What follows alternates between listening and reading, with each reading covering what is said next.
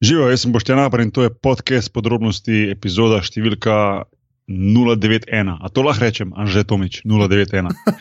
Ker zadnjič, ko sem rekel 090, si imel malo pripombe. Zdaj, Ja, ne, um, imel- ne pripombe, ne, pač imel si nekaj za dodat. No. Ja, pa se vsak ima nekaj za dodatko, sliši nič, da več nič. Šti- Štiri krat štiri. Tako ni važno, glavno.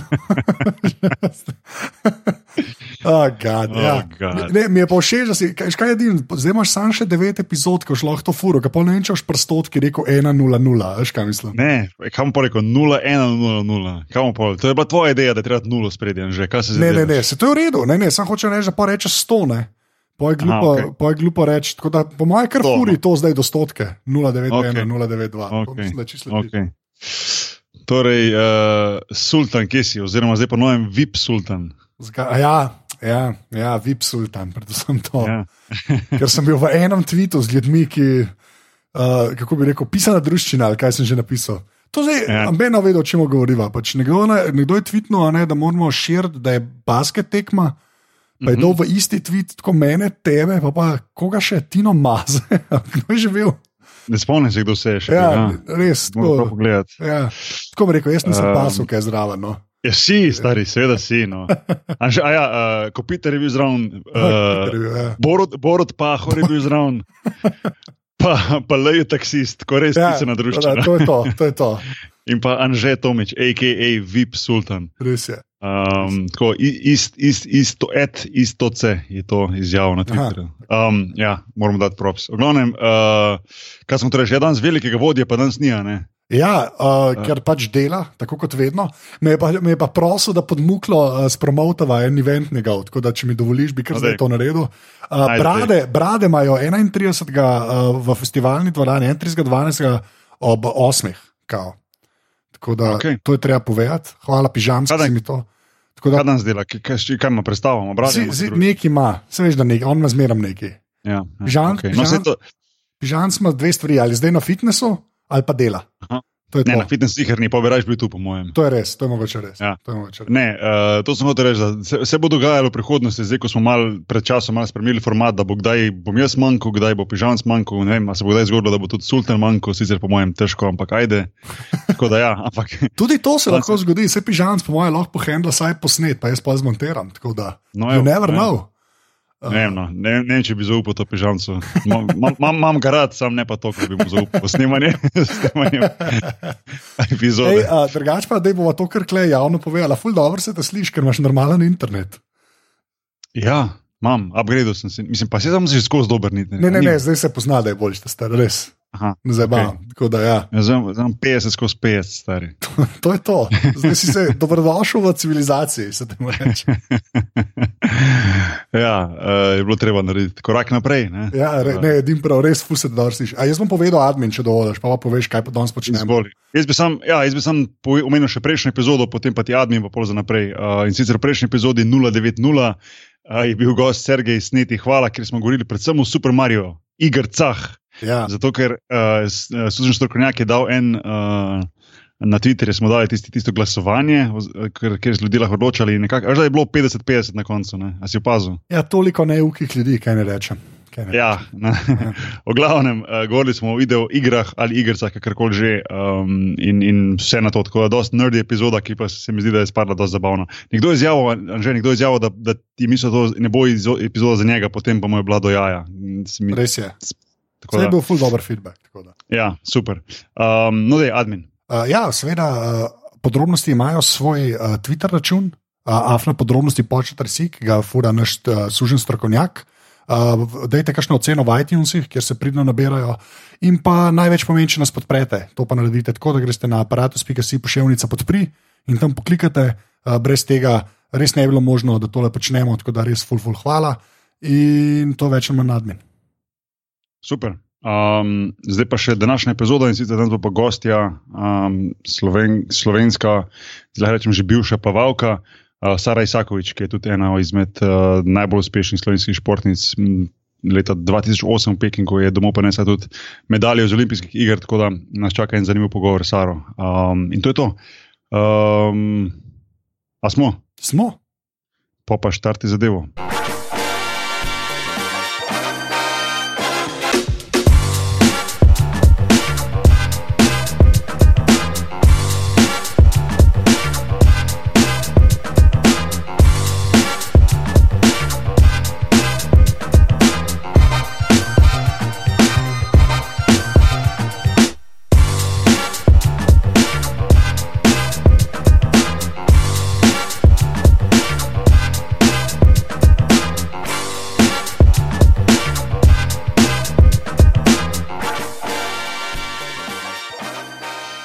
Okay, um, Sara, res najprej hvala za, za full hitro odzivnost. No, jaz moram reči, da sem pri športnikih ponavadi navajen, pa ni bil to vedno primer, ampak doskrat navajen, da športniki najdlje časa rabijo, da se javijo za kak. Quote on quote intervju. No. Uh, ti, pa na, ti pa na srečo si mal eh, razbila ta stereotip, pa si se dosti prijavila. Pa, yes. ja, dosti. To se hodila. Tako da se je bilo fajn, fajn to, eh, to hitro zgoditi. Hvala za povabilo, moje Ej, veselje. Ja. Uh, lepo. Um, si v Sloveniji trenutno, no? oziroma doma na Bledu, kot si rekla. Res je. Ja. Uh, pred, um, ja, pred točno dvemi tedni sem prišla v Slovenijo nazaj. Uh, bila sem zdaj osem mesecev na Norveškem, tam sem imela en projekt, ampak uh, ja, mal, bo še malo mal bolj bo trajalo, kot sem si zamislila, ampak sem vmes za to rekla, da pridem malo domov, pa vidim, uh, kakšne imam variante tukaj uh, doma, glede, pač glede poslov, glede službe. In, uh, in se želim res po dolgem času spet ostati malo doma. Uh, ker me mhm. se vsi hecajo, kot je, ha, sprašla a za pet dni prišla, a za tri dni prišla. Rekla, ne, zdaj bom pa res kar nekaj mesta tukaj. Um, tako da je lepo biti spet uh, na bledu, sem bila tudi zdaj doma zelo zasedena.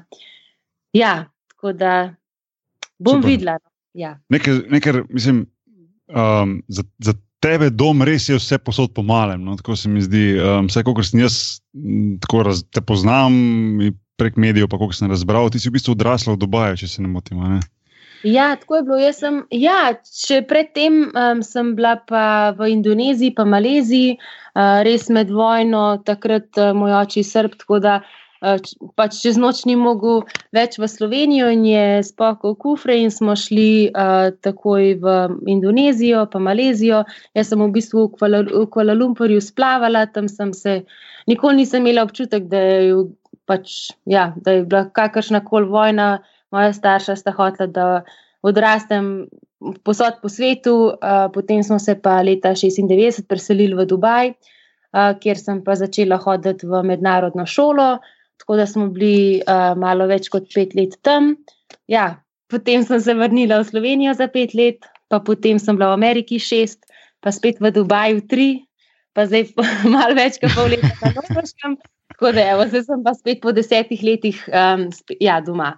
In, uh, in sem vesela za vse svoje, pač zelo hvaležna za vse svoje izkušnje, zato ker se mi zdi, da res enkrat, ko greš malo ven v tujino, um, se sam sebe bolj najdeš, se spoznaš. Uh, jaz sem pa imela ta privilegij, da sem tudi študirala v Ameriki uh, in uh, razvila uh, pač cel ta. Cel, Celo svojo persono, še izven plavanja, ne? ker to je v bistvu zelo pomembno, ker po končani karieri sem vedno imela željo, da še nadoknadim življenjem in da še kaj um, dosežem na drugih področjih. Ja, seveda. Ja. Um, ne, sem se mi zdi to predvsem zanimivo. Jaz ne vem, kako, mislim, sigurno imaš lepe spomine na Dubaj, pa to meni se to meni to prvo. Malo padlo v oči, zato ker sploh danes velja Dubaj kot za neko tako uh, hitro varianto, za neke res eksotične počitnice, pa ne eksotične, bolj tako ekstremne. No. Ampak vseeno ti imaš ja. verjetno malo drugačne spomine na Dubaj. No. Ti si tebi ja. tam le dom in uh, če lahko mogoče malo več poveš recimo, o tem odraščanju tam, tako, ker se mi zdi, da ja. se, to, mislim, se meni zdi to precej mm, nepoznano. No. Ja, on ja. hoče reči, da po mojem nisi živela v unem hotelu, ki zgleda kot jadro. Pač ja, ampak sem živela pa. To je bilo, v bistvu je bilo tako, da uh, leta 97 Ne, kdaj se je začel, Burža Larab se je začel graditi, lih takrat, ko smo mi a, se preselili v Dubaj in edino naselje v Dubaju je bilo zraven tega hotela. V bistvu je bil Dubaj čista puščava, tam je bilo 20 hiš in naša hiša je bila ob morju zraven Burža Laraba. Leta 99 se je pa ta hotel končal, tako da sem bila ena izmed prvih, ki sem šla sploh noter. Ja, mislim, ampak da je dobro. Za Dubaj nasploh jaz ne gledam tako kot. Um, eno ekstravaganco, ne vem kakšno mesto, zato ker še vedno um, tam živi moj brat Dvojček, pa starša. Um, ja, pa vr, po Ameriki sem se vrnila nazaj v Dubaj in sem bila zdaj tam tri leta. Tako da, uh, glede na to, da sem tam odrasla, gledam s čist drugačnimi oči. Mesto poznam, uh, prija, mislim, poznam okolico, prijatelje imam tam. Tako da je to isto, kot če ti nekoga vprašaš, recimo na Maldivih, ja, wow, kako je pa to živeti na Maldivih ali pa na Havajih ali pa kjerkoli. Pač, ne, ko nekje odrasteš, je potem postane to neka normala. Uh, je pa, super je bila izkušnja, ker sem hodila v mednarodno šolo, še vedno se združim uh, s temi uh, prijatelji. To, ja, še do, da, da, do danes smo na vezi in se družimo. Uh, tako da mi je dal en, en, en, en, dru, en drug pogled na, na cel svet, arabska kultura, naučiš se tudi spoštovati ne, druge tradicije in vse ostalo. Tako da, ja, jaz, sem, jaz se res tam zelo doma počutim. Sam pol tajming ja. semira pa res tak, tako, glika se je začel graditi oren, očitno. Pa si ti v bistvu videla ta transformacijo, ki se je tam zgodila. Mislim, ja, točno to, to, v tem je bil največji čar, ker vsakič. Dobro, tam, ko smo, bili, uh, ko smo živeli tam um, do leta 2003, je še vedno, ne, ni, ta, pač, ni bilo tako progresivno, tako se ni gradil, kot se je od, od 2,5 do 2,15.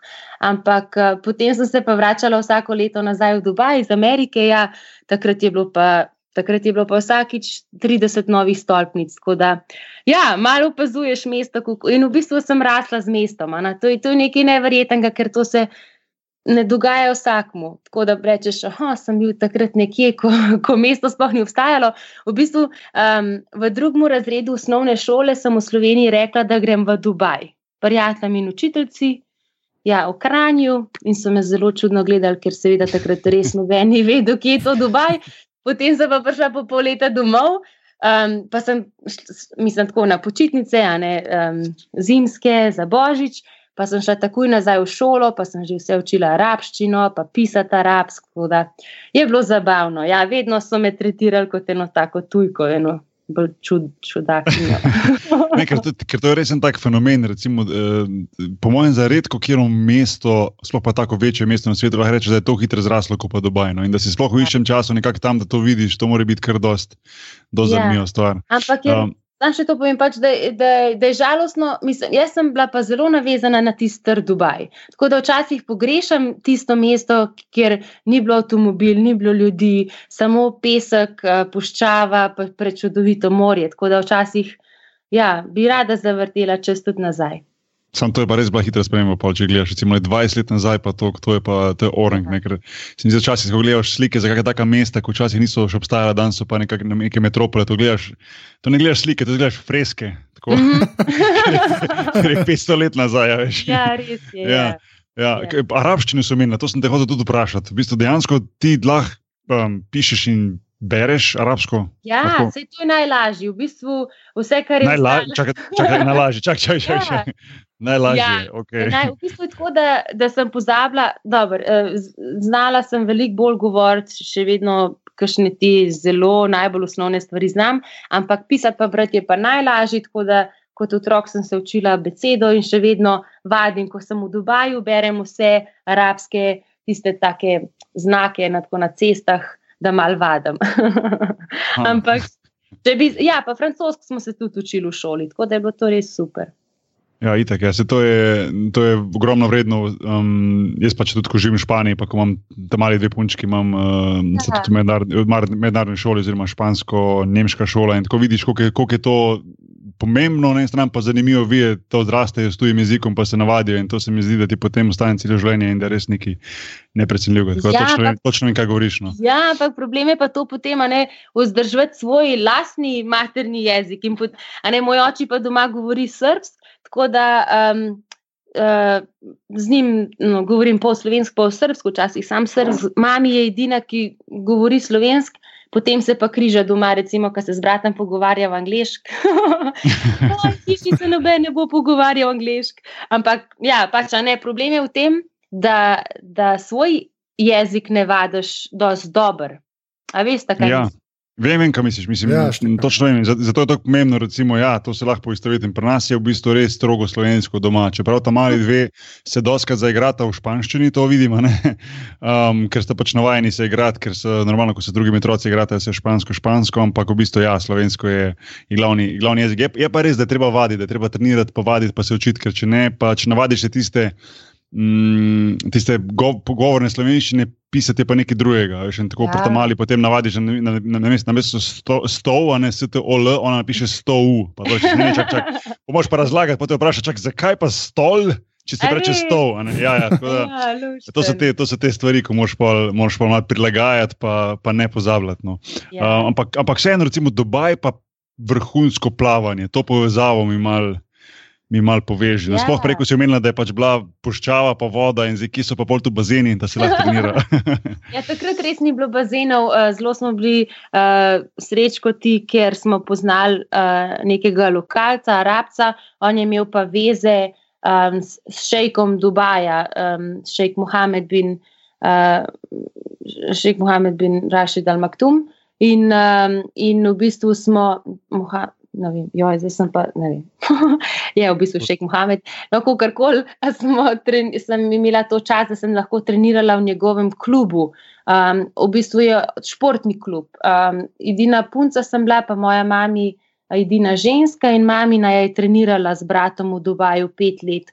Uh, tako da smo.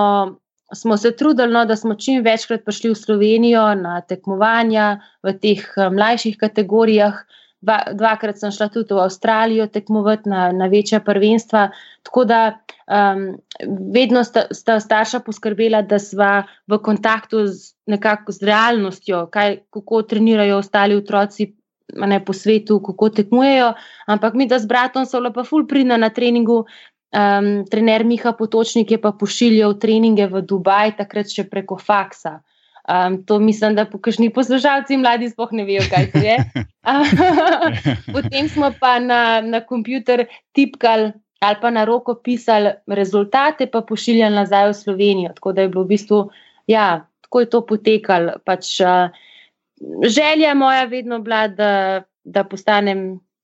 Res en, en šampion, tako olimpijski. Pred 12 leti sem rekla, da, da si želim iti na olimpijske igre v Atene, takrat sem imela eno tak, en tak mehen televizor, posod, ampak to je bila taka škatla in posod sem to nosila in vklopljala v elektriko, uh, kamorkoli sem šla in gledala Sidni olimpijado. Uh, tako da res želja je bila velika, starši so bili pa v bistvu uh, tam, so me podpirali in uh, smo tako speljali, da potem leta 2003 smo se preselili nazaj v Slovenijo, kjer sem pa potem trenirala več skupino uh, in res zelo napredovala. Uh, da, ampak je bilo super, ker pa mislim, da uh, mladi športniki v trenutnem času so pretrenirani, preveč trenirajo, preveč je nekih pritiskov.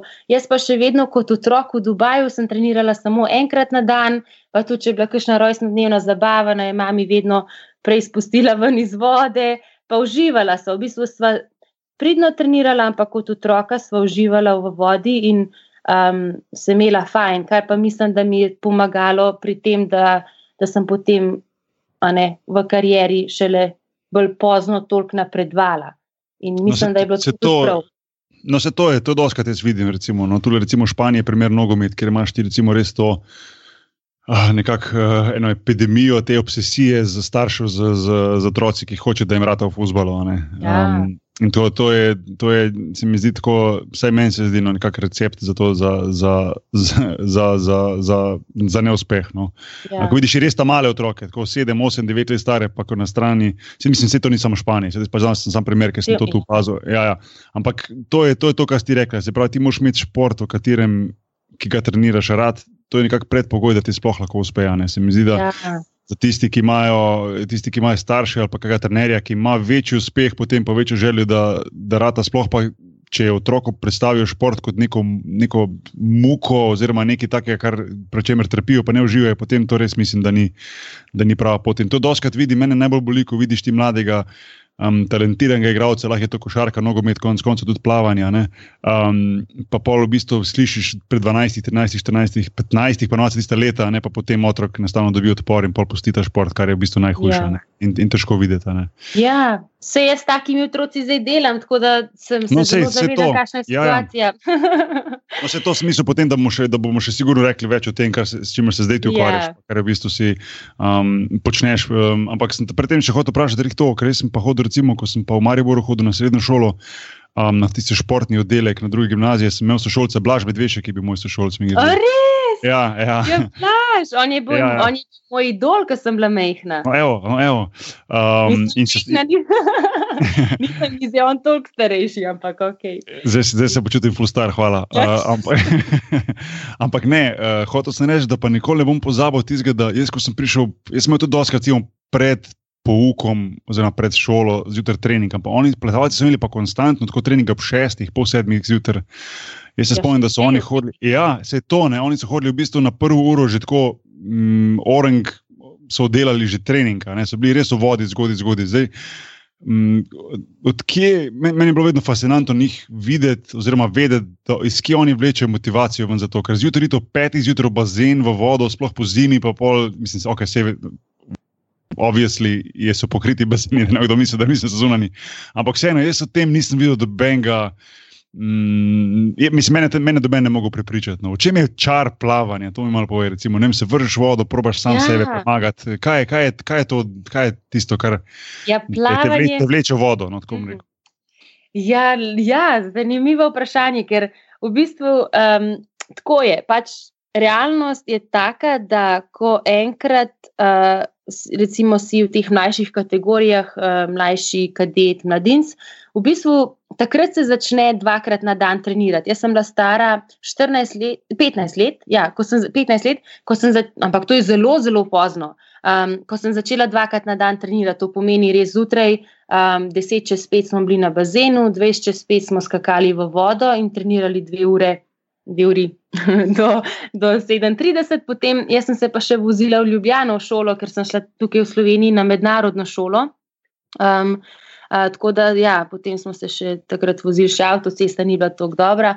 Ampak, kakorkoli, um, tako pravim, da nimaš izbire. Če ti hočeš napredovati kot plavalec, um, res um, moraš trenirati dvakrat na dan v vodi, ker plavanje je tak šport, da ti ne moreš kondicijo trenirati izven bazena recimo, ne vem, pa se mogoče košarka ne bom zdaj ne, govorila. Ampak, je, pač, ne, je, ne, se, se lahko rečem, da tudi preko šarke ne moreš v vodi trenirati kondicijo. Oziroma, malo no, lahko, ampak, ne, ampak ne moreš ja, prilagoditi. Ja, ne, moreš, ne, ne eh, gre to tako. Ti moraš biti uh, na kopnem, pa ti moraš delati, jaz pa moram biti v vodi. da, če jaz hočem, jaz moram odplavati recimo 15 do, ja, 14 do 16 km na dan, ja. ker vidim, kako bom ne, nabirala to kondicijo. In zato smo dvakrat na dan v vodi, ker tudi uh, plavanje kot plavanje ti moraš čutiti vodo. In če dva dni nisi v vodi, recimo, če smo v soboto popoldne, pa nedeljo frej, v ponedeljek zjutraj na treningu že ne čutiš vode, pač mi tako rečemo, nimaš mm. feelinga, pač kar, roka gre kar skozi vodo. In ti moraš skozi čutiti vodo in trenirati to moč v vodi, pač razvijati sam sebe, kakorkoli v vodi. Tako da e, prva stvar, nimaš izbire. Druga stvar. Um, Druga stvar je pa pač ta, da če imaš nek cilj v glavi, in to je za mene bila olimpijada, dobro, te prvo Atene, ampak še potem pa Peking, in sem imela v mislih, kako bom osvojila olimpijsko medaljo. Jaz bi ostala tudi ob treh zjutraj in bi naredila čisto vse, kar, kar bi mi trener rekel in kar bi jaz po svojih močeh mogla, da bi osvojila ta, ta svoj cilj. Uh, tako da prideš ti. Ampak to je tudi rutina, ti se tega navadiš, tako da na konc koncev ostajanje 4-45 ni več tak problem, kot se sliši. Seveda, ko je pa zima, pa samo moliš Boga, da bo trener zaspal na trening, ampak to se nikoli ni zgodilo. samo tam avto si za kuru, ko me izgleda do radovnice, da je bilo fajn toplo, pa smo pa samo. Res, ko molili, oj, upam, da je trener zamu, da pač bo zaspal, ampak ni zaspal, pa smo pa pa greš pa lepo do bazena, vse noter je pa še kar toplo, ne voda je mrzla. Ampak, tudi, ampak v tem je pa čarano, da ti sam sebe psihično premaguješ vsak dan in da ko prideš ob 8 zjutraj, no, dobro, pol devetih sem prišel v Ljubljano, na, na, na mal vmes med prvo uro do druge ure. Se že tako ful počutiš, tako accomplished. Ti si že v bistvu odplaval 8 km, tvoji sošolci so pa komaj ostali iz posle. Tako da to je tudi ful dober feeling. Ja, meni je predvsem kul, cool, kako z lahkoto rečeš 15 km na dan. To, to, to sem jaz hotel, Anže, to sem jaz hotel te vprašati, koliko časa bi ti rabo, da preplavaš 14, 14 do 16 km. Se to, ne, fora temu, ker zdaj polet sem hodil, ker na kolezi so ful zrihtali. Ja, zrihtali so bazen na polno, ne. In sem Ja. pač mal hodil plavati in ne vem točno, kaj pomeni 15 km, zelo si ne znam. Ti bi še zdaj plaval. ti bi še Ja, zdaj jaz plaval. bi zdaj le bi bil še noter, po mojem, ja, od Ja, dobro, ampak to plavaš razplavanje, pa malo noge, pa roke, pa glavna serija. Pa to ni tako, da ti plavaš samo non-stop. a Ne? To Ne, ni, sej, ta, ta del mi je jasen, a veš, samo meni je tako, se mi, zdi, se mi zdi, da pri vseh športih, kar se na kopnem dogaja, a ne, a veš, imaš pač je trening ura pa pol, pa pol se nekaj zgodi, veš, ko smo bili pri basketu ali pa dve ure, pa pač nekaj počneš, pa so različni treningi, se mi zdi, da futbal nekako po moje isto, rokomet isto, ne.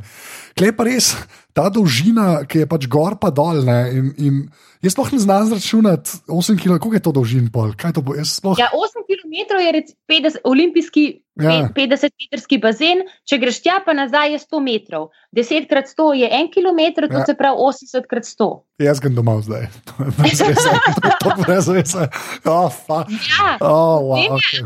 Ne, lepo je pa, čar je pa v tem, da v bistvu ti, ki si v vodi, si res sam s sabo. A veš, Ja. ja. recimo, baskedaši pa to, vi ste fultko, uh, morate biti upleteni v vse, celo igro, ampak v tem je tudi, a ne, catch, da je tako ful bolj zabavno, pa ta um, situational, malo awareness, da, si, da se zavedaš, kaj se dogaja okoli tebe.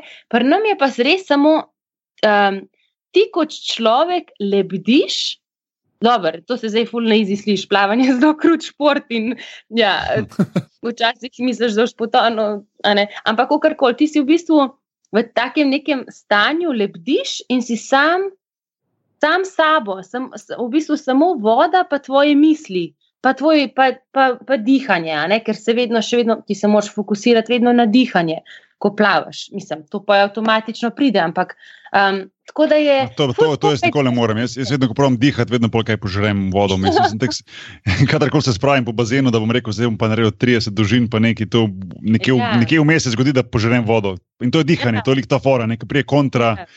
kontra prijem za zamahi. Ampak Pa, lepa voda. Pač voda je tako res le, lepa. Pač ti, ne vem, enkrat, ko plavaš, mi, se, mi plavalci res imamo tak problem, da pač pravijo, ker enkrat plavalec nikoli.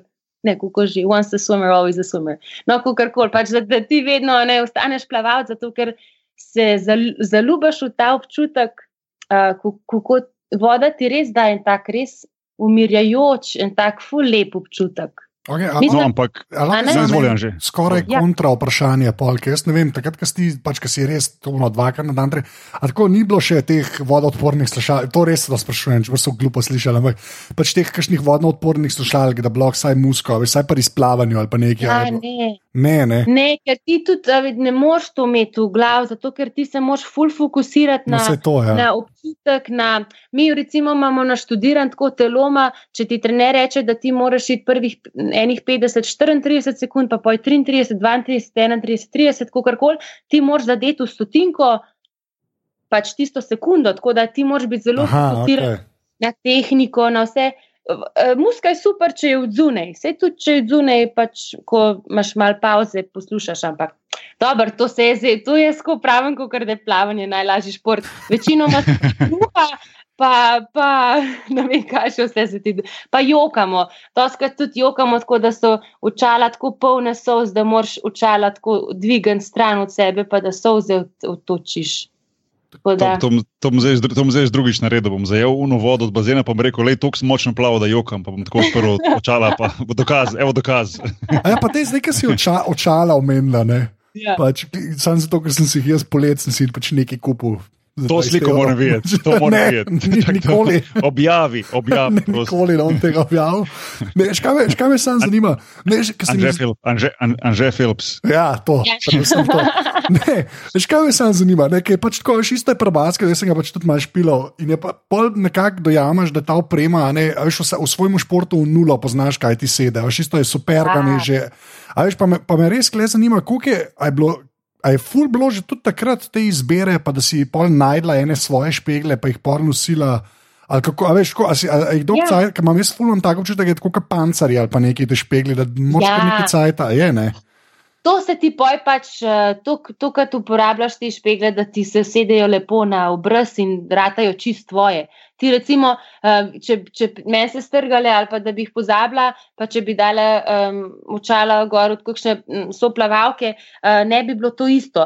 Zato, ker mm. ti v bistvu naštudiraš, koliko imaš razliko tukaj med, um, veš, med enim učom in drugim, tle čez nos. Mm -hmm. Pa tudi na milimeter to moraš to vrvico naštudirati, pa koliko hočeš imeti zategnjene, pa koliko velike. Pa.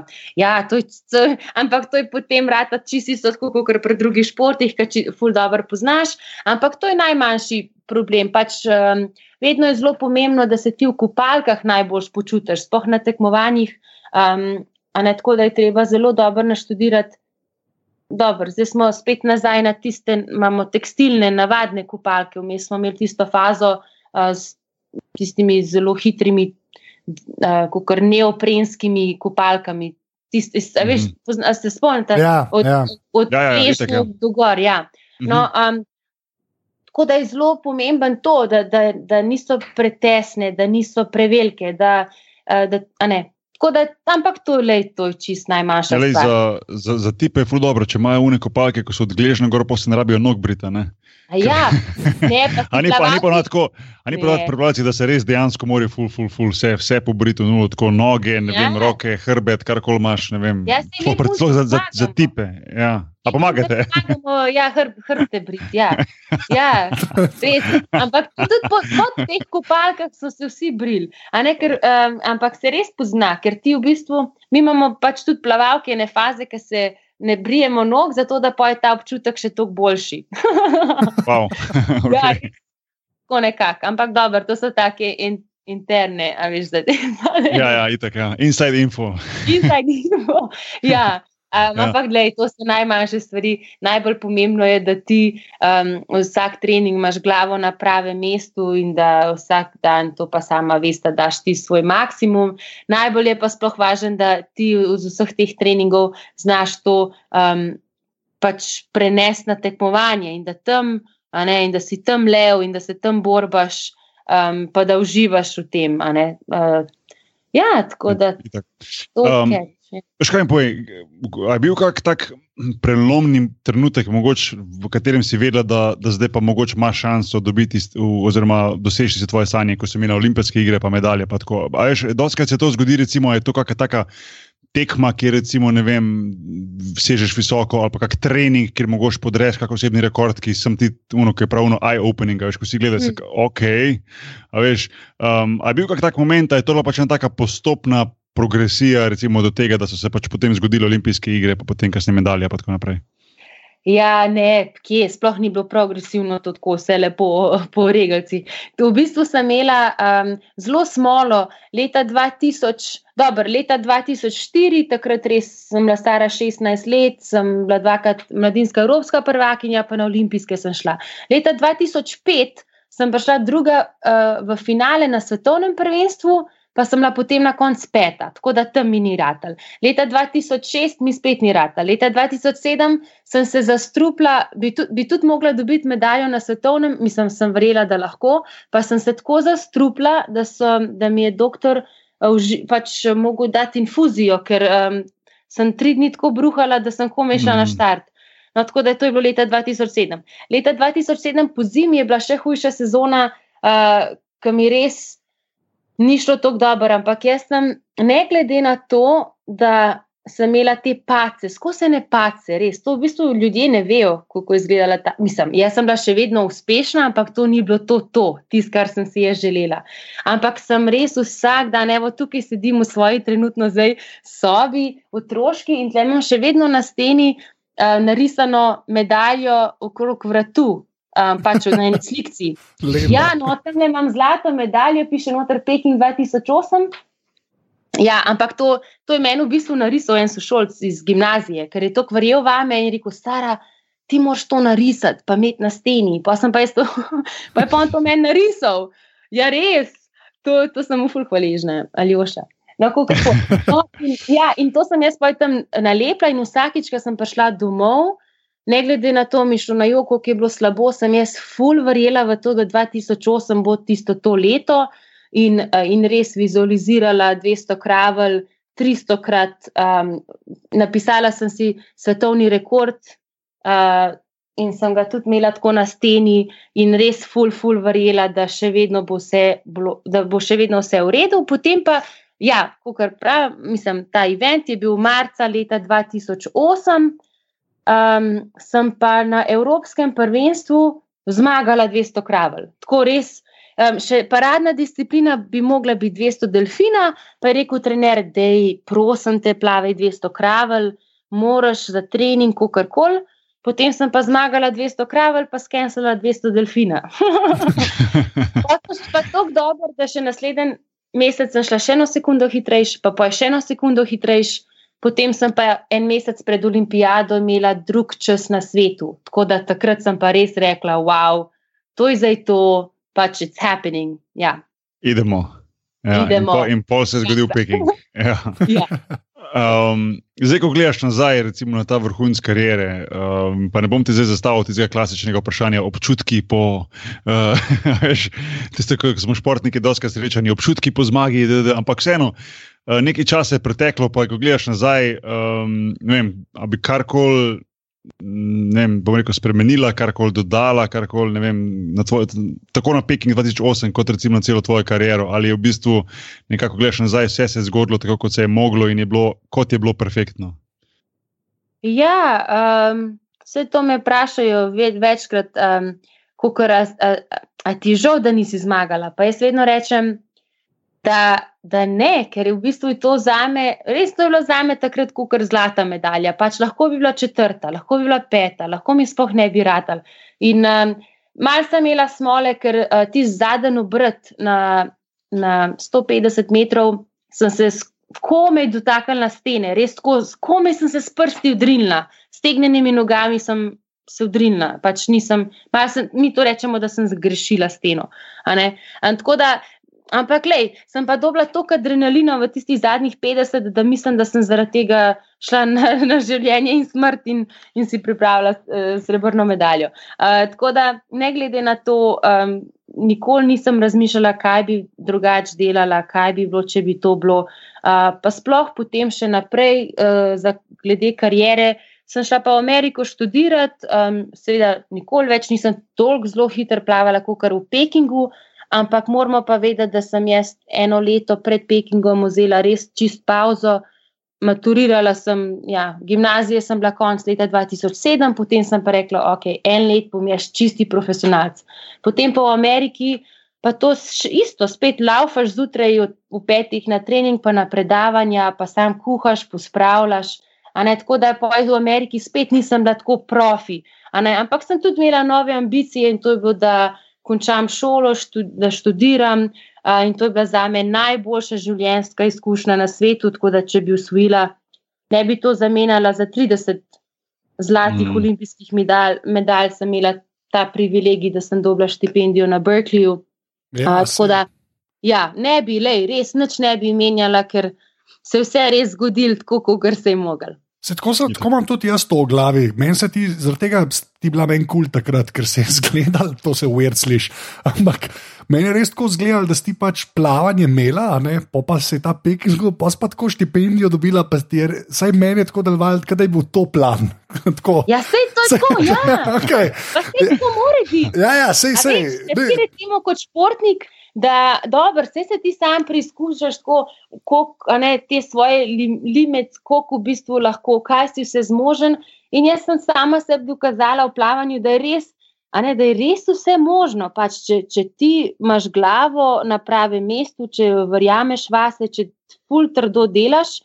Da, da je vse možno, pač, da ti lahko rata. Tako da to je bil za me najboljši life lesson skozi plavanje, ampak zdaj pa, da Eni imajo ta privilegij, da so lahko športniki cel življenje. Recimo, basket, ste, ste lahko malo starejši. Plavalci pa imamo pač, dobro, zdaj so skozi bolj tudi starejši plavalci in tudi oni tekmujejo, ampak ni to tako, da tudi od plavanja lahko živiš.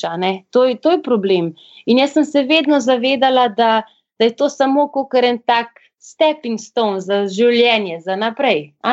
In ja, vedno so me tako tudi starši podpirali, da da, ja, da se razvijam, da se izobražujem, ker po plavanju, ko zgubiš to identiteto, kdo pa si poj?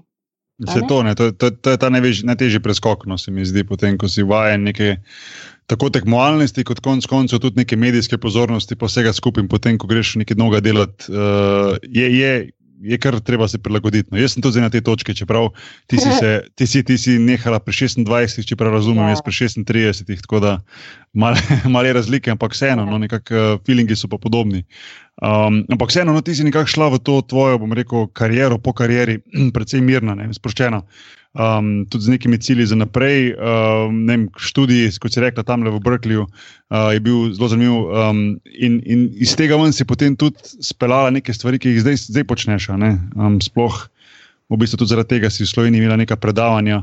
Um, Prekratki, yeah. Ja. pa mogoče lahko malo to poveš, ker je v bistvu vse povezano z športom, pa s psihologijo yeah. Ja. športa. In to je tudi za mene zelo, zelo zanimivo. Pa te prosim, če mogoče malo več o tem poveš. No. Ja, seveda. Ja, tako je bilo v bistvu, da sem na Berkeleyju študirala psihologijo bolj s podarkom na nevropsihologijo, ker me je zelo zanimalo, kaj se dogaja v naših možganjih.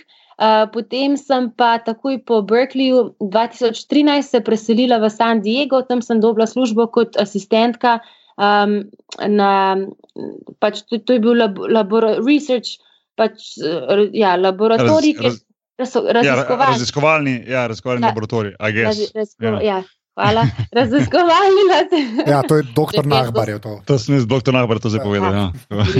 ne, tako kot se je, so smo raziskovali. Razisk, uh, tam sem uh, bila eno leto, pa pol smo raziskovali uh, možgane uh, teh nevisilcev, pa marincev, to je ameriška vojska, pa olimpijskih športnikov. In smo v bistvu gledali, kaj se dogaja v možganih pod stresom in kaj to pomeni biti od, odporen na stres. In potem smo primerjali, ne, recimo, um, pač v angleščini ta beseda resilience. Kaj to pomeni, da, da si ti v nekem danem trenutku ful odporen na to situacijo in optimalno nastopaš v tej neki situaciji. Ampak dobro, to smo mi delali.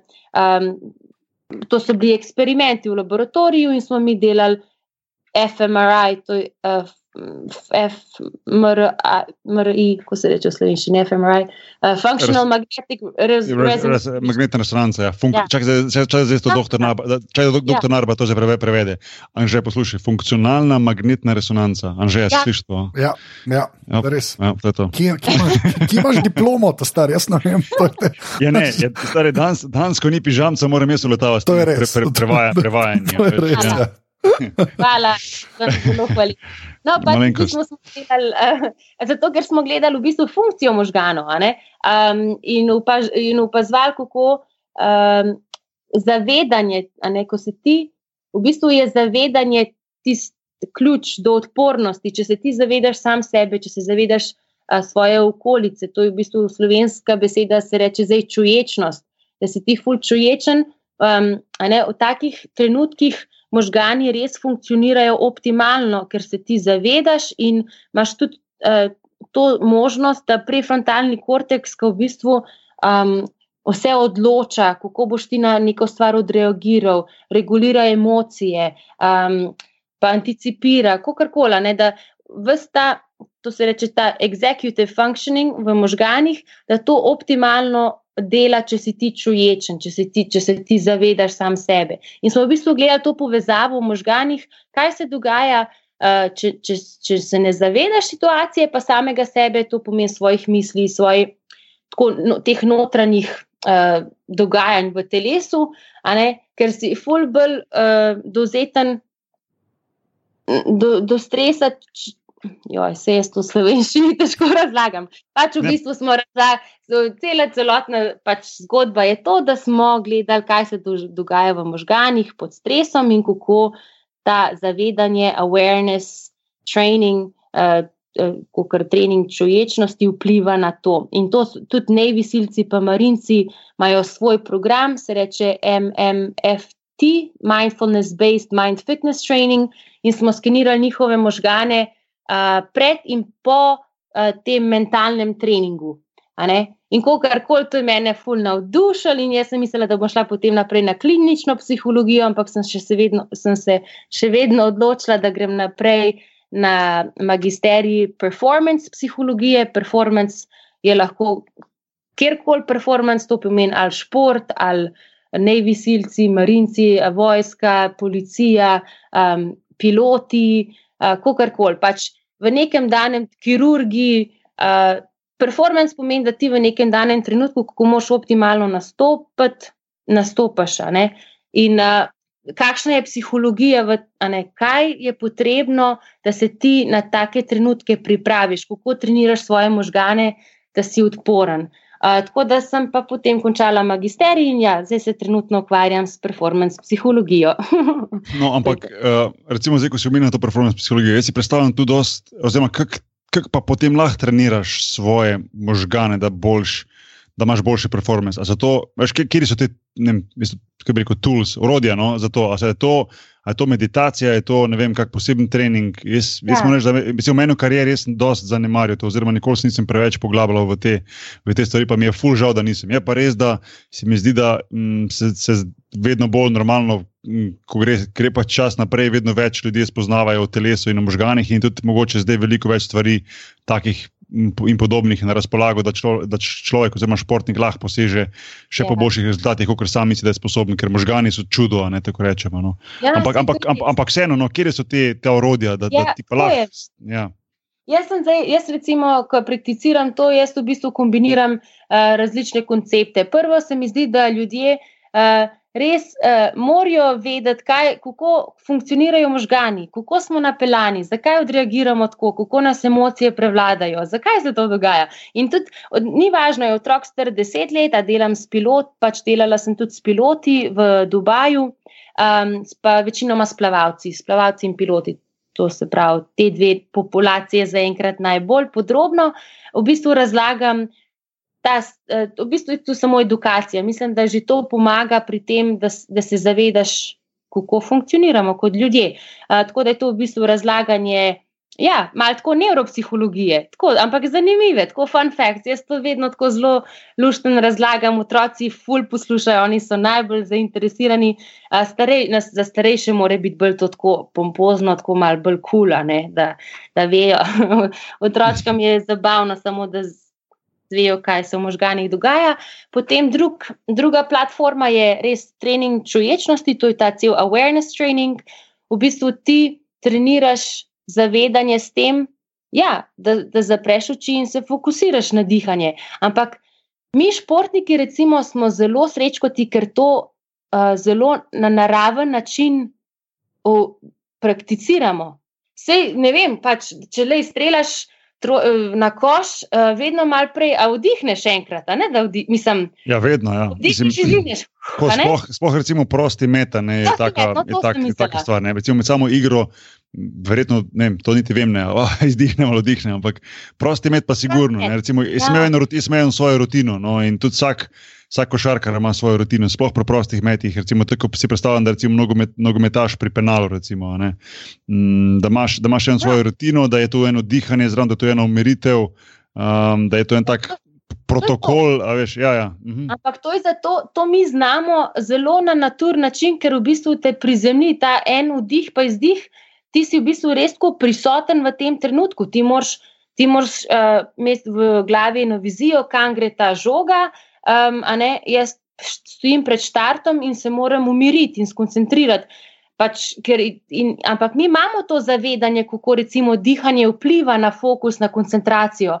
Ljudje, ko hodijo po, tako lezej po svetu, se niti ne zavedajo svojega dihanja. Ne? Ampak to je samo, to je čisto prvi step. Pa greš pa naprej, na z, kako se ti zavedaš svojih misli. In tudi se pravi, športniki um, se zavedajo, mi se, recimo, jaz sem se mogla zavedati svojih misli vsak dan. Če sem razmišljala, jaz to ne morem, mene to boli, pa to, pa kaj, ne vem, kaj še vse, pa lačna sem, pa ne vem, ki je glava. V bistvu sem takoj občutila, da telo ne, ne plava toliko dobro, kot bi mogel, če bi bila sfokusirana, če bi bile misli bolj pozitivne, če bi imela ta en pozitiv self-talk. A, a, a se strinjata? Ja, ja, ja ne, se to ima ja. dosti dos veze s tem. No. Mislim, to, no, je, to je sigurno. In to je tudi sploh še toliko bolj zanimivo. Pa recimo, no, Sara, če lahko to rečem, celo pri skupinskih, oziroma pri ekipnih športih, je pa to bolj zanimivo, ker če imaš ti nekoga v ekipi, ki je recimo vodja ekipe. In pa potem cela ekipa tudi gre tam, kjer on gre. Veš, mislim, to je pa, pa še se mi zdi en element več, mm. ker v bistvu, če je on pozitiven kot vodja, pa če zna on na pravilen način uh, potegniti ekipo, gre lahko v eno smer ali pa v drugo smer. Veš, in to, to mogoče ne vem, ne vem koliko imaš recimo, izkušnje um, delati to z, z ekipnimi športi, ampak se mi zdi, da ta stvar bi bila zelo zanimiva tudi za ekipne športe, s katerimi se ti ja. ukvarjaš. No, ja. ja, seveda, no, ampak kakorkoli. Pač v bistvu trening zavedanja je zelo pomemben, um, ampak to pravim za te populacije, recimo za piloti, niso tako intuitivni, da, da, da, da se ti zavedaš tega mind-body connection, kako glava vpliva na telo, kako telo na glavo. Um, tako da ta, trening zavedanja v bistvu um, je, je, vse se reče, lahko se reče meditacija, lahko se reče uh, možganski trening možganov, ker v bistvu možgani so mišica, kako koli. Pač um, jaz to hočem malo razbiti, kakšen ta tabu, kaj to pomeni. Kakšen ni to ena zdaj guru meditacija, da smo vsi ne vem, kako spiritual. Pač to je trening. Ti ko treniraš telo, moš trenirati možgane. Ta tretji koncept je pa, ki ga delam, je pa bolj performance psihologija, to se pa ukvarja vse z motivacijo, samozavestjo, s komunikacijo, um, z vizualizacijo, kako ti v bistvu res v glavi moš. To tudi sama veš, da ti moš vaditi, ne zapreš oči in vadiš. Ti, ti vadiš, recimo, jaz vadim, kako plavam 200 kravl. Ti v glavi vadiš ne vem, kaj greš. Ja, mečeš na koš. Ja, vse to, to sem videl dosti preostalih in to je pri teh res vrhunskih športnikih, oziroma sploh pri košarkarjih je to doskrat uh, potem zveš. Čeprav se mi zdi, da tem doben ne govori nekako na glas, vsak ima to kot neko svojo, nekega jokerja v rokavu, ampak se mi zdi, da veliko ljudi to dela, um, pa se potem mogoče po karieri odprejo in rečejo, ja, jaz sem to pa to, pa to delo celo kariero in tako naprej. In ja, to je vedno zanimivo poslušati. Ja, ja. ampak ja. recimo tudi, da ne mi delamo bolj tako zelo na naraven način. Jaz se zavedam, preden skočim v vodo, pa, pa se dirkam, jaz moram v glavi točen vedeti um, recimo mojo strategijo, kako bom odplavala, na kakšen način. Jaz to moram v glavi vaditi, preden bo to telo oddelalo. Ampak to povedati kakšnemu pilotu, kako, recimo, um, kako bi bilo fajn, da, da v, gla, da v glavi vadi, kako oni imajo skozi vsakih šest mesecev. Testiranje na simulatorju, te vaje, oni, oni so skozi testirani, kako so dobri. Ti, ampak oni ne vejo, da ti lahko v glavi vadiš te, ta, te scenarije. Tako da v bistvu celotna performance psihologija je zelo zanimiva in je fulj pomembna za, za celotno populacijo. A si ti študent, a si ti učitelj, a si um, kirurg, a si policist, a si čestilka. Mm. Ni važno, ti v bistvu res um, moraš uh, tako nekako možgane svoje napeljati, da si zdrav človek, ker če je zdrava glava, si ti kot človek zdrav in je to zelo pomembno. Čeprav je pri nas v Sloveniji še malo to vse bolj tabu, ampak ne, ta cela ja, psihologija. Ja. Kaj pa ti gledaš recimo, na te razne um, do, dodatke pri športih, veš, mislim, kot, mislim, kot hranilne dodatke? No, tako, veš, ker se mi zdi danes, da je tudi plavanje, doskrat se sliši, veš, razni te. Ali bili, ali škandali, in tako naprej. Veš, kaj mislim, pač doping. Sem ti, recimo, Kako pazljiv, pazljiv si tu pri tem, oziroma kako pazljivo, uh, koliko ti je ne pazljivo, koliko ti recimo v bistvu, kak pogled imaš na vse to skupaj. Veš, ker se mi zdi, da ja. je to ena taka tema v športu, koliko imaš, kaj imaš, kaj je, ja, kaj ne, kaj so te doze, kaj je pomembno, kaj sploh ni res, da deluje in tako naprej. A si se kdaj mogoče pozanimala, glede tega, kot olimpijska, recimo, uh, tekmovalka, v bistvu si dosmela tudi verjetno na to temo pogovora in tako naprej. Ja. Mislim, to, kar sem se v dopingu pogovarjala zadnje čase, še se nisem v celi karieri, to, kar v zadnjem tednu. Um, in sem zelo vesela, ker smo imeli par oddaj, eno na televiziji, eno na radiju, uh, kjer smo govorili pač o zaveščanju uh, vse, te kulture dopinga, kar, kar se mi zdi zelo pomembno, ker v današnjem času vsi, prva reakcija vseh mladih športnikov danes je, a se ta dopingira, a se ona dopingira. Kar je pa zelo žalostno, ker smo vsi skeptični, ratali, zato ker noben ne ve več, kdo je pošten. Um, Jaz, na vso srečo, sem jedla domačo govejo juho, pa, ja, pa meso, pa krompir. In sem s tem je to recept za zmage. pa ja, buhteljne v nedeljah, gorenske, ne hecam se. Ampak. Um, pač, um, ja, jaz sem na tak način prišel do vseh mojih rezultatov. Se mi zdi, da verjamem v čist šport in mi je zelo žalostno, ko ljudje rečejo, da se to, to danes, no, to pa sploh več ni mogoče, se, se vsi dopingirate. Uh, treba je razvijati res tako pozitivno miselnost, pa kulturo v športu in, in delati na vrednotah. Ti, um, ampak to moramo začeti delati z mladimi, pa z mladimi trenerji, ker če se tukaj začne, potem rastejo te nove generacije, ki bodo verjele v to. Zdaj, dobro, tiste večje države, ki imajo več denarja, ful vlagajo to in nikoli ne veš, kaj oni zdaj razvijajo. In, in kar mi kot. Ja, antidoping agencija, veš, nismo sposobni še odkriti. Ampak um, jaz uh, ne vem, čim bolj natur, ti, če imaš ti zdravo glavo, pa če verjameš vase, uh, ti ne bo pomagal. Nobena, nobena tableta ti ne bo pomagala, pa še to so zelo, zelo resni um, uh, side effects. Ja, stranski učinki. Stranski učinki, hvala. Ja, stranski učinki, ki pa res lahko smrt, smrtno vplivajo ja, na ja. tvoje ja. telo, tako da s tem se sploh ni zahecati. Uh, ja, tako da jaz sem full on. Ja, ja, ne, se, tak, ja. ne, ker bi to bilo, jaz sem, zdaj sem zelo, ko si govorila, sem se probo spomniti, kater podcast sem poslušal, kjer so v bistvu o dopingu govorili. In jih bila ta govor, je bil te, tem, tem, tem betlu med antidopingom in med temi državami, ki v bistvu so skozi ene korak ali pa pol koraka pred antidopingom. Tako neverjetno, koliko je enega denarja vloženega v to, pa enih, enih skrivnosti, pa enega, da v bistvu so vedno, oziroma se skušajo biti. Tako en korak spredi, zdaj gre tu za plavanje, gre tu mogoče za vem, dviganje teži, kako kolesarstvo ali bilo kjer šport, kjer sploh um, je ja, ta, do, ja. ta doping bolj, bolj prisoten. Ampak, ja, um, Ampak problem koč... je to, zato, ker ne donec. Ne vem, se mi zdi, ker smo bili, bili mi še tako mlajši športniki, ni bilo socialnih omrežij, ni bilo tega pom, poma, ne vem, koliko boš popularen, koliko boš služil, marketing, ne vem, kaj vse to. Tako da v bistvu, ne, to je, kot sem rekla, celotna kultura, pa biznismeni, pa sportsmenedžeri, pa države, ne, ful se gre na tem, da ja, pač denar je tukaj upleten, uh, ja, res, respekt, pa pač vse ja, ja. tisto, kar ljudje iščejo, ampak na napačen način.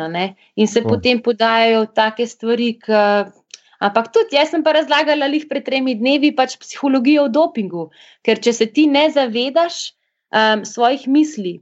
Pa recimo svojih percepcij, kako gledaš na situacijo, potem tudi ti ne moreš razločno, pa jasno razmišljati, pa moralno, sploh pa ne moralno, ker si ti tako um, zelo čustveno upleten v vse to. Ti si full čustven in potem možgani ne razmišljajo razločno.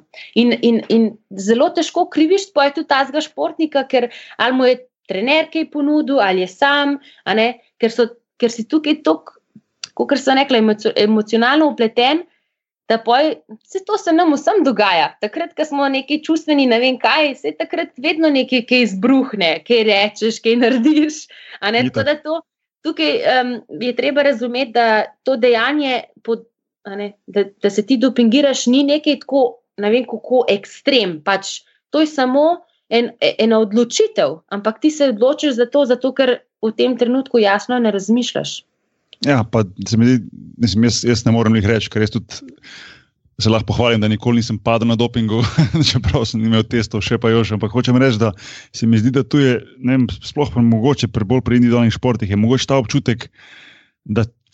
Če, igral, oziroma, če športnik zve, da ostali si pa doskrat reče, le, če pa oni, zakaj pa jaz ne bi tudi. Ne? Veš, tako, mislim, pač glede dopinga, pa glede imanja poživil pa tega. Ne. Se mi zdi, da uh, sama si pomenila, recimo, ja, normalno, sploh danes, ne, recimo, ali to govorimo, ali so tu neki finančni cilji, ali so tu ne ta. Uh, Slava, da rečem, ki prije zraven, ali so pa tu pritiske, ne konc koncev tudi organizacije, država in tako naprej. V nekaterih državah, ne Kitajska, Rusija, to prvi prijeta na, na, na misel kjer so ja. športniki res bolj predmeti kot osebe, in ker nekako so nekak nek, skozi leta bili, bilo dokazano, da so bili, bili oni nekak, uh, neka orodja za to, da so se država hvalile, pa da so se trepljali po ramenih, medtem ko so športniki zmagovali na olimpijskih, pa na tekmovanjih, potem pa kasneje ugotavljali, da so vsi padli na dopingih. Tako da mm, ja. se mi zdi to zelo, zelo žalostno. No, in, ja. uh, na srečo, mogoče košarki le ni toliko tega. No, Um, je pa res, da nekako sploh v, v bolj v individualnih športih se mi zdi, da je to bolj, bolj, bolj pogost pojav. Ne vem, to je tako moje mišljenje. Ja, ali pa tudi, ne vem, se mi, ja, mož, mislim, ja, čisto odvisno. Se mi zdi, da je tudi, kaj pa vem, kakšni ekipni športi, ne vem, futbol. Ne, pa, pa ne vem, ja. pa, ne, se pravim, ker, vem. to, ker to primeru, mislim, tudi ni, mislim, v basketu je bolj trava, tam trava Ne, ti bo vem, vem. če Ja. gledaš. Če, če gledaš, recimo, skozi zgodovino, sploh NBA ligo, ti bo vsak drugi skoraj malo pretiraval, ampak tako, veš. Uh, in tudi, tudi, dost, tudi v prihodnosti zna NBA kot prva taka resnejša organizacija, če spremeniti svoje mnenje glede marihuane, pa tega. Ne? Ampak dobro, to so že druge teme. Ja, no, mislim. Ja. Ampak, ampak vseeno, no, se mi zdi, da nekako, veš, ko pomislim na doping, se prvo spomnim biciklistov, pa kakih dvigalcev teži, to mi je najprej. No. Um, Ja, Je- ampak na- žalostno je tudi to, da sploh amaterji, zdaj, zdaj recimo doping je zelo popularen, sploh v zdaj, teh fitness industrijah. no, to pa ja, to pa ne, ja, no, to pa ja. Žalostno je to, da je to cel, da je to ni dobro, vse to vrhunski športu, v vrhunskem športu je, ampak tudi študenti, štude, mi smo se to prav pogovarjali na tisti vdaji in gospod uh, doktor je rekel zelo dobro, da, da se študenti dopingirajo. V bistvu je doping tudi na, na fakultetah, oni jemljajo uh, v bistvu uh, uh, ta ritalin. Um, v bistvu za fokus, za koncentracijo med izpiti. Tako da, ne, to je, to ni, reci, to je, to je problem celotnega sve- sveta, to ni Čak, samo čak, zdaj čak, čak. šport. Čak, čak, čak, da si napišem, kaj si rekla, kaj zdaj študiram, tako da da mi napišeš nekaj. Ja, ja. Ne, za, tudi uh, za otroke, mislim, tudi za starejše, pač s tem um, ADHD, a ne hyper. Ja. Um, hyper Uh, attention deficit, uh, hyper- kaj že, ja, ja. Žamc, kje si, kot je rabimo pismo. To, mislim, žalostno, ampak dobro, lej. Tisti, mislim, da rabijo ljudje, pa mladi športniki, vzorniki, tako recimo, da, ampak da je treba o tem govoriti, ker vse tisto, kar pa slišimo, je pa negativno. Tako da um, mlad športnik ne sliši nobenih takih uh, pozitivnih zgodb, kot kar, aha, ta športnik je pa res čist, zdaj, Mm. se pa fokusiraj, pač ne ti bo oni dola. Ne? Vedno je tako v medijih, a doping skandal, pa tega smo dovolj, pa tega. Ne tako, da je celotni problem naše. naše. Jaz, to, to, to je res. Zdi, da vedno, ko kak dopinski kanal bi hkrati mogli še večji naslov napisati, kdo pa na tistem tekmovanju ni imel in je zmagal. Tako, Ja. veš, ne. poudariti. Ja. Um, Prejmo, eh, to, da malo spremenim temo, prejmo startupu sodeluješ, oziroma si sodeloval, ne vem, če še FitzMind. A Lahko malo več o tem poveš. No? Zaradi tega si bila tudi na Norveškem, konec koncev. Uh, ja, v bistvu uh, sem sprejela ta projekt zato, ker sem bila zelo navdušena nad idejo. V bistvu kombinira psihični in fizični trening, kar pomeni, da uh, to je tudi fitness industrija, pač se gre za to, da si kot človek bolj fit.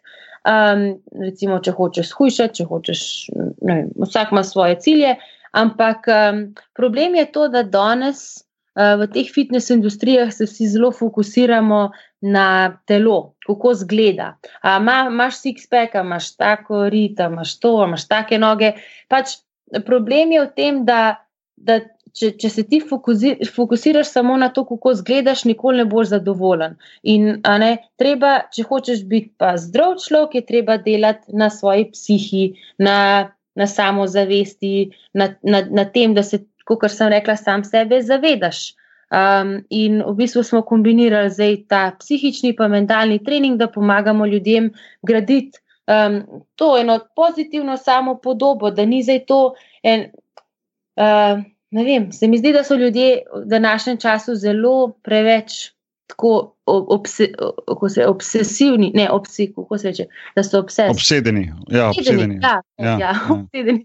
obsedeni s tem, a ne, samo da bo telo ne vem kako zgledal, ampak dobro. Ali pa, ali pa rečejo, da zdaj bom pa jaz hujšal, pa pa, pa pa tri tedne, nekje tri tedne, tri dni na dieti, ne vem, kaj to sploh pomeni dieta, potem po četrtem dnevu pa že spet um, ne, totalen polom. Tako da v bistvu, če, pa, če imaš pa ti res tako zdravo glavo, boš pa tudi ta četrt dan rekel: ne, ne bom čokolade, ampak bom jabolk. A zastopa koncept. Pač v bistvu je to, da, ja, da, da ni vse v tem, kako zgledaš, pa treniraš telo. Ti moraš trenirati glavo zraven, če hočeš vzdržati en ta healthy lifestyle, da to traja poj. Se to je najtežje, se to je najtežje pri teh stvareh, ko se v bistvu napališ na eno stvar, en teden laufa in pol v bistvu uh, ne zdržiš. Ker se mi zdi, da če hočeš karkoli delati na tem, da spremeniš svoje navade, pa staniš svoje, ajde, če že telo, Ja. kar potem posledično izgled, mora biti lifestyle, ne pa, Ja, ne pa, ne pa, ne pa dieta. Ne. Ja. Ampak ti se moraš zavedati teh navad, pa ti se moraš zavedati, um, ne, kako sam, pač, kako, kako sam sebe tretiraš, ker ljudje grejo pa v ekstreme. Um, ne, punce pa sploh v današnjem času, ko so ne vem kakšni visoki standardi, kako moraš gledati, pa pa vsaka druga sama sebi govori, kako je debela, pa to ni v redu, pa to ni v redu. Ja, lej, če boš res tako razmišljal, raz, pa razmišljala, ne, to ti res ne bo pomagalo. Tako da sam s tem, da, da treniraš zdravo, še to zavedanje, v bistvu je trening sestavljen, da, da vizualiziraš trening, potem ga oddelaš, potem pa še 10 minut meditiraš. Tako da je to en tako kar celoten trening. Tako ful v redu, ampak to še traja, to je startup, vedno traja, to ne more kar čez noč, čez noč dati, ampak je super ekipa, um, nadalje bom še vedno pomagala. Um, eden od projektov, ki sem ga imela na Norveškem, je bilo, da sem pripravljala štiri punce veslajo čez Atlantik. Oh, wow. To, se, to se pravi od Kanarskih otokov do Antige, 5000 km, in sem z njimi zdaj um, že od maja pa do zdaj do novembra delala, tako da so punce psihično full ready uh, in grejo zdaj 12. decembra na pot in bojo dva meseca veslale. oh, Jezus, Lord. Samo Čakaj. dva meseca. ja, okay. Okay. Dve uri veslaš, dve uri počivaš. Wow. Pač, A ja, pa pa kul, pa pa kul. Ja, Če sta- če sta pa-. Ja, če sta pa dve ure pauze, pa oni palih. Ja. Pa po redu. Shit.